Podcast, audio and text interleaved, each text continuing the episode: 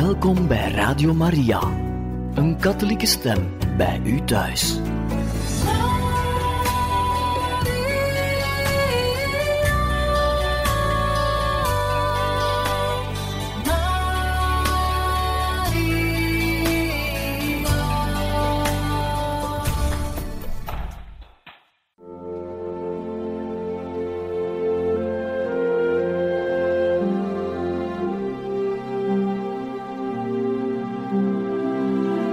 Beste luisteraars van Radio Maria, welkom bij het programma Catechismus.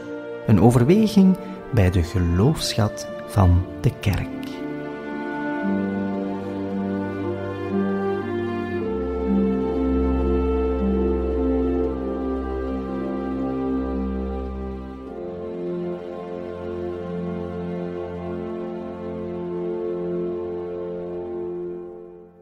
Van harte welkom, beste luisteraars van Radio Maria, bij het programma Catechismus. Vandaag luisteren we naar eerwaarde heer Pierre François in een reeks die zal gaan over de verschillende sacramenten. Luisteren we naar deze catechese over het huwelijk. Het huwelijksverbond, waardoor man en vrouw met elkaar een algehele levensgemeenschap vormen, die het haar natuurlijke aard gericht is op het welzijn van de echtgenoten en op het voortbrengen en opvoeden van kinderen, is door Christus onze Heer tussen gedoopte verheven tot de waardigheid van sacrament. Het is merkwaardig te zien dat de Heilige Schrift begint met de schepping van man en vrouw, naar Gods beeld, en eindigt met het visioen van de bruiloft van het Lam in het boek der Openbaring. Dus vanaf het begin tot het einde spreekt de Heilige Schrift over het huwelijk. En het ziet het huwelijk als een mysterie. Hoe God het huwelijk heeft ingesteld en er zin aan gegeven. En een zin die veel hoger reikt dan gewoon het stichten van een gezin, maar die heel de geschiedenis van het heil eigenlijk omvat. Bovendien ziet men ook hoe de zonde en de gevolgen daarvan het bemoeilijken in elke vorm van verbond. Uiteindelijk heeft de catechismus van de katholieke kerk het ook over hoe de mensheid eigenlijk ook een verbond aangaat met God. De mensheid is de bruid en God de bruidegom. En in het nieuw verbond wordt dat geplaatst in het perspectief van Christus als bruidegom en de kerk als bruid. Wij moeten om te beginnen weten dat het huwelijk al een plan heeft in de orde van de schepping. God zelf, als schepper, is de stichter van het huwelijk. Het is geen menselijke vondst geweest of het gevolg van een of andere sociaal pact. Het is iets dat van de natuur zelf, van man zijn en vrouw zijn, voortkomt. Het is wel zo dat het huwelijk heel wat variaties heeft gekend in de loop der eeuwen, van cultuur tot cultuur, eh, naar gelang de sociale structuur en geesteshoudingen. Maar ook al zijn er veel verschillen, er is altijd een kern van blijvende kenmerken die we niet uit het oog mogen verliezen. Het is waar dat niet overal de waardigheid van het huwelijk met dezelfde helderheid aan het licht treedt, maar toch, in alle culturen bestaat een zeker gevoel voor de verhevenheid van de huwelijksband. En eigenlijk is het mooi te zien dat God ons allemaal roept tot de liefde, en de meeste mensen, gelukkig maar, associëren dus die roeping tot liefde en natuurlijk eigenlijk met een verhaal van liefde. Wel, we zijn gemaakt naar Gods beeld en gelijkenis en God zelf is liefde. En heeft de mens als man en vrouw geschapen om hun de kans te geven met hun wederzijdse liefde een afbeelding te zijn van de absolute en onvergankelijke liefde van God voor iedere mens. En eigenlijk, het huwelijk is niet alleen maar gemaakt om individuen gelukkig te maken. Het huwelijk is ook uh, iets dat nodig is voor de gemeenschappelijke opdracht om de schepping in stand te houden. Zonder huwelijk zou de maatschappij een bepaald ogenblik stoppen. Daarom zegt men, God zegende hen in het boek, uh, het boek Genesis en sprak tot hen, wees vruchtbaar en wordt talrijk. Talrijk bevolkt de aarde en onderwerpt haar. Dus de Heilige Schrift bevestigt iets dat de mensen willen aanvoelen, dat man en vrouw voor elkaar geschapen zijn. De Heer herinnert ons dat het oorspronkelijke plan van natuurlijk in de schepping nog altijd van stand blijft in het Nieuwe Testament, in het Nieuwe Verbond, want Jezus zegt van man en vrouw, als ze trouwen, dat ze niet langer twee, één verlies, twee zijn, één verlies als zij geworden zijn. Nu is het wel zo dat iedere mens het kwade ervaart en dat beïnvloedt ook de verhouding tussen man en vrouw. De alle tijden is de huwelijksband bedreigd geweest door tweedracht, heerszucht van een van de partijen, ontrouw, jaloersheid, botsingen, en die kunnen leiden tot haat, zelfs een breuk. Hm? En deze wanorde kan, afhankelijk van de culturen, tijden of individuen, meer of minder tot uitdrukking komen en soms wordt dat niet overwonnen. Maar ja, vanuit het geloof beschouwd, deze wanorde van de zonde komt niet uit de aard zelf van de man, de vrouw of het huwelijk zelf. Als het slecht gaat, als er een kleine crisis is, in een huwelijk, is de bekoring altijd groot om te zeggen: dit is de schuld van de man, of dit is de schuld van de vrouw.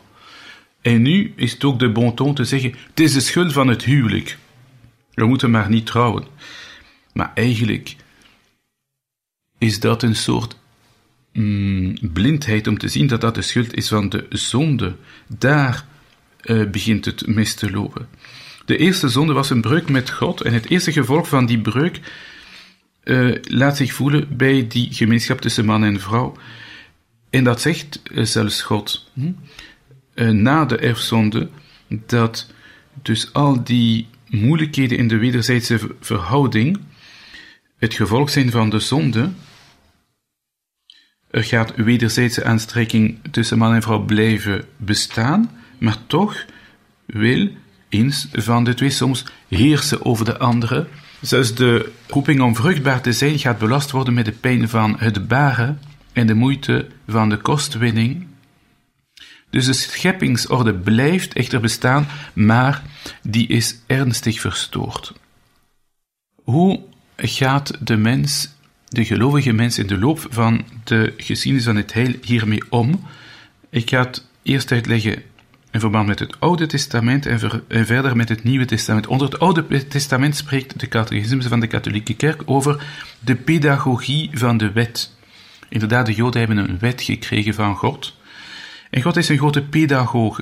En een eigenschap van de pedagogie is dat de dingen beetje bij beetje worden uitgelegd. Dat betekent dus dat er een zekere evolutie gaat ontstaan in het beseffen van de waardigheid van het huwelijk. God laat de mens niet los, dat weten we. Na elke vorm van zonde of ontrouw van de mens komt God hem altijd herinneren dat hij trouw blijft aan zijn verbond en laat de mens nooit in de steek. Zelfs de lasten van het huwelijk zijn straffen, maar kunnen gezien worden als een geneesmiddel dat de gevolgen van de zonde beperkt. En zo kunnen we het huwelijk zien eigenlijk als een hulp om het individu te verhinderen dat hij zich in zichzelf keert, om het egoïsme en de genotzucht te overwinnen en zich open te stellen voor de ander, voor onderlinge steun, voor zelfgave. Dus het huwelijk is eigenlijk een school geworden van liefde. Die pedagogie van de oude wet kent een ontwikkeling. Een voorbeeld is dat de aartsvaders en koningen soms polygaam waren. Dat betekent dat polygamie nog niet uitdrukkelijk verworpen eh, was op dat ogenblik.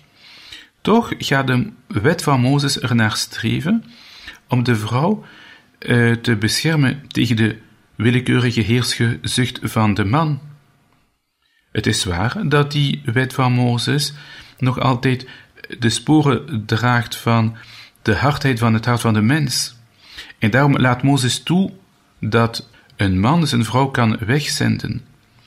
Maar die oude wet van het Oude Testament is een evolutie naar het Nieuwe Testament. De profeten bijvoorbeeld zien in de verhouding van God met Israël een exclusieve en trouwe huwelijksliefde, dat een beeld is van dat verbond. En ze beginnen de mensen te raken met hun predikatie, om te laten zien hoe mooi dat het is, een trouwe huwelijksliefde. De boeken van Ruth en Tobit bevatten zelfs ontroerende getuigenissen over de verheven zin van het huwelijk, over trouwen, over genegenheid van echtgenoten enzovoort. Er is zelfs een boek, het Hooglied, dat een magnifieke zang is van uh, liefde en dat bepaalde eigenschappen onderstreept dat de liefde bijvoorbeeld sterk is als de dood en dat geen stortvloed van water die liefde kan blussen.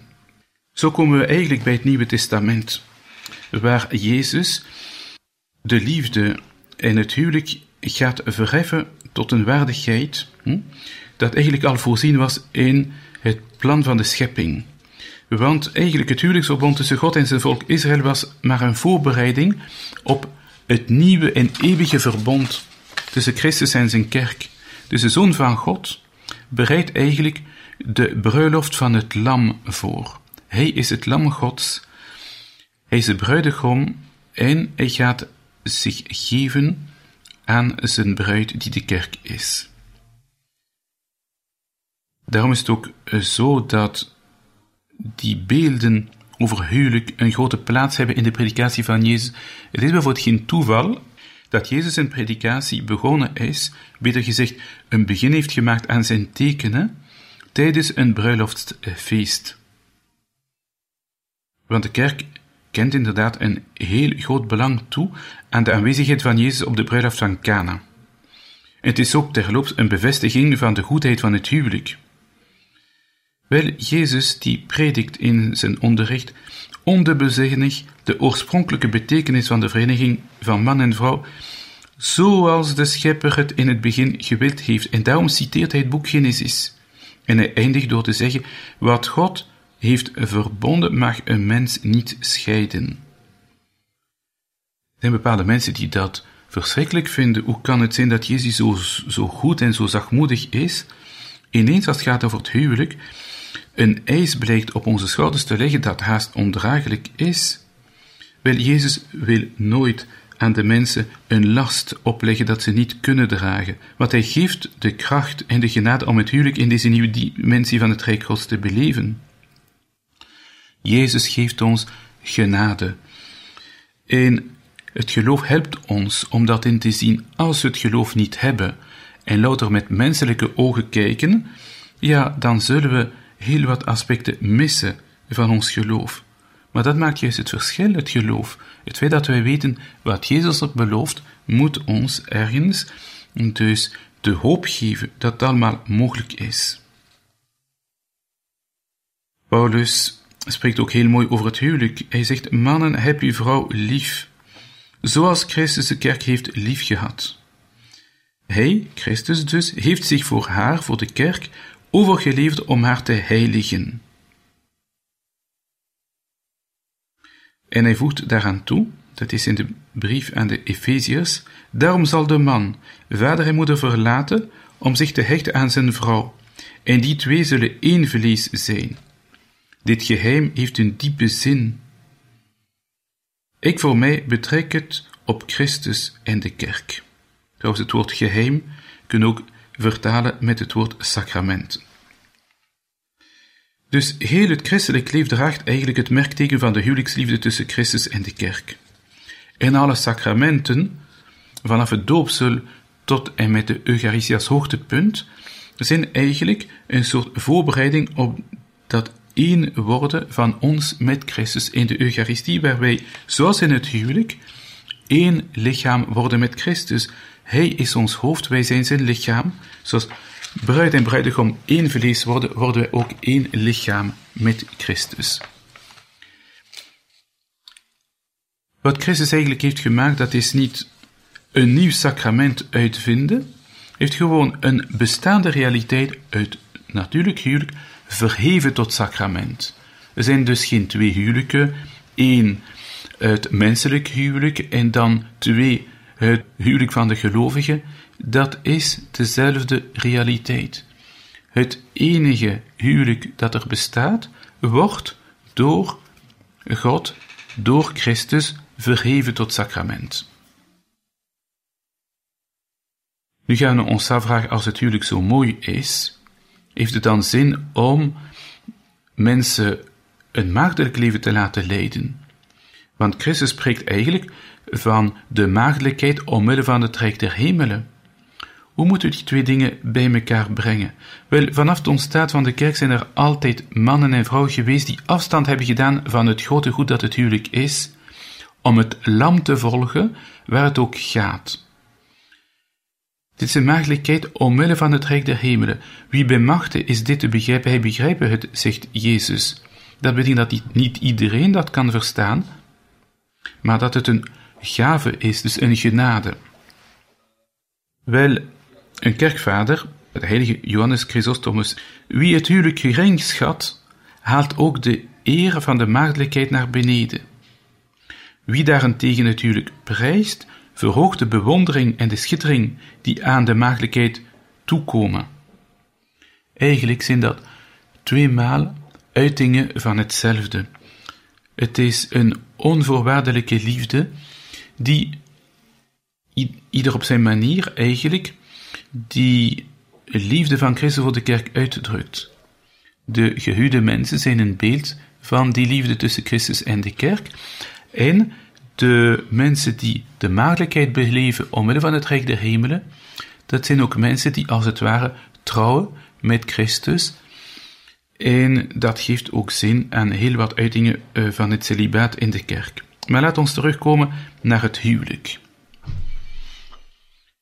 Hoe wordt een huwelijk gevierd? Wel, er zijn enkele verschillen, naar gelang men zich in de Latijnse ritus of de andere ritussen bevindt. In de Latijnse ritus, dus de Westerse ritus, die in onze streken uh, wordt uh, gecelebreerd, daar vindt het huwelijk meestal plaats tijdens de mis. Waarom? We hebben al gezien dat er een band is tussen huwelijk en Eucharistie. Wel, het is ook mooi dat het huwelijk gesloten wordt tussen de homilie en de offerande. Dat is eigenlijk om duidelijk te maken dat wij, eh, als mensen eh, met elkaar trouwen, dat ze zich geven niet alleen maar aan elkaar, maar ook aan God. Daarom is het passend dat de echtgenoten hun instemming om zich door de offerande van hun leven aan elkaar te geven bezegelen, juist bij de offerande, juist voor de offerande in de Eucharistie. Het is ook goed dat toekomstige echtgenoten zich voorbereiden op het huwelijk door eerst het sacrament van de boete, de biecht, ontvangen. Ik geef altijd als raad, en hele kerk geeft dat, voor het huwelijk is het goed dat de toekomstige echtgenoten zich voorbereiden met de biecht. In de Latijnse traditie zijn de echtgenoten zelf de bedienaars van het sacrament. Ze dienen elkaar toe, dat sacrament, door de uitwisseling van het ja-woord, van de consensus, de huwelijksinstemming. En de priester is een bevoorrechte getuige die ook zijn zegen geeft.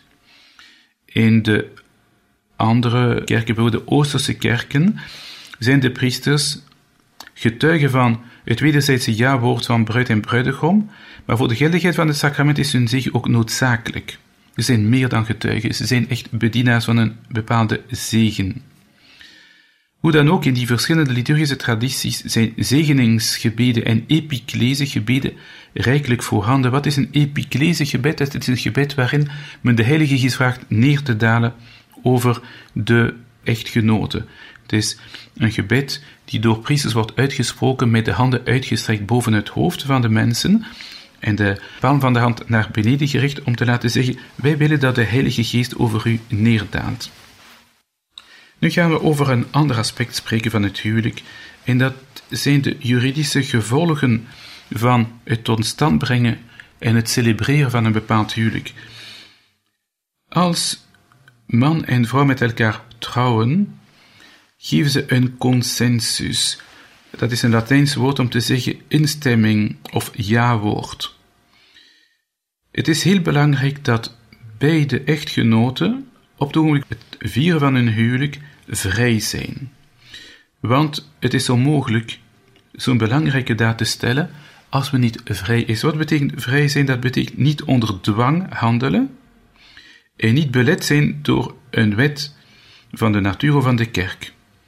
Wetten van de natuur die ons beletten te trouwen zijn bijvoorbeeld het feit dat uh, kinderen niet met hun ouders, ouders niet met hun kinderen, broers en zusjes niet onder elkaar kunnen trouwen. Dat zijn dingen die de natuur belet.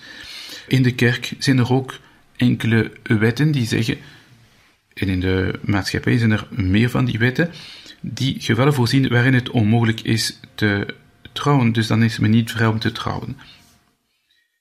De kerk beschouwt de instemming die de echtgenoten uitwisselen als het onontbeerlijke element waardoor het huwelijk tot stand komt.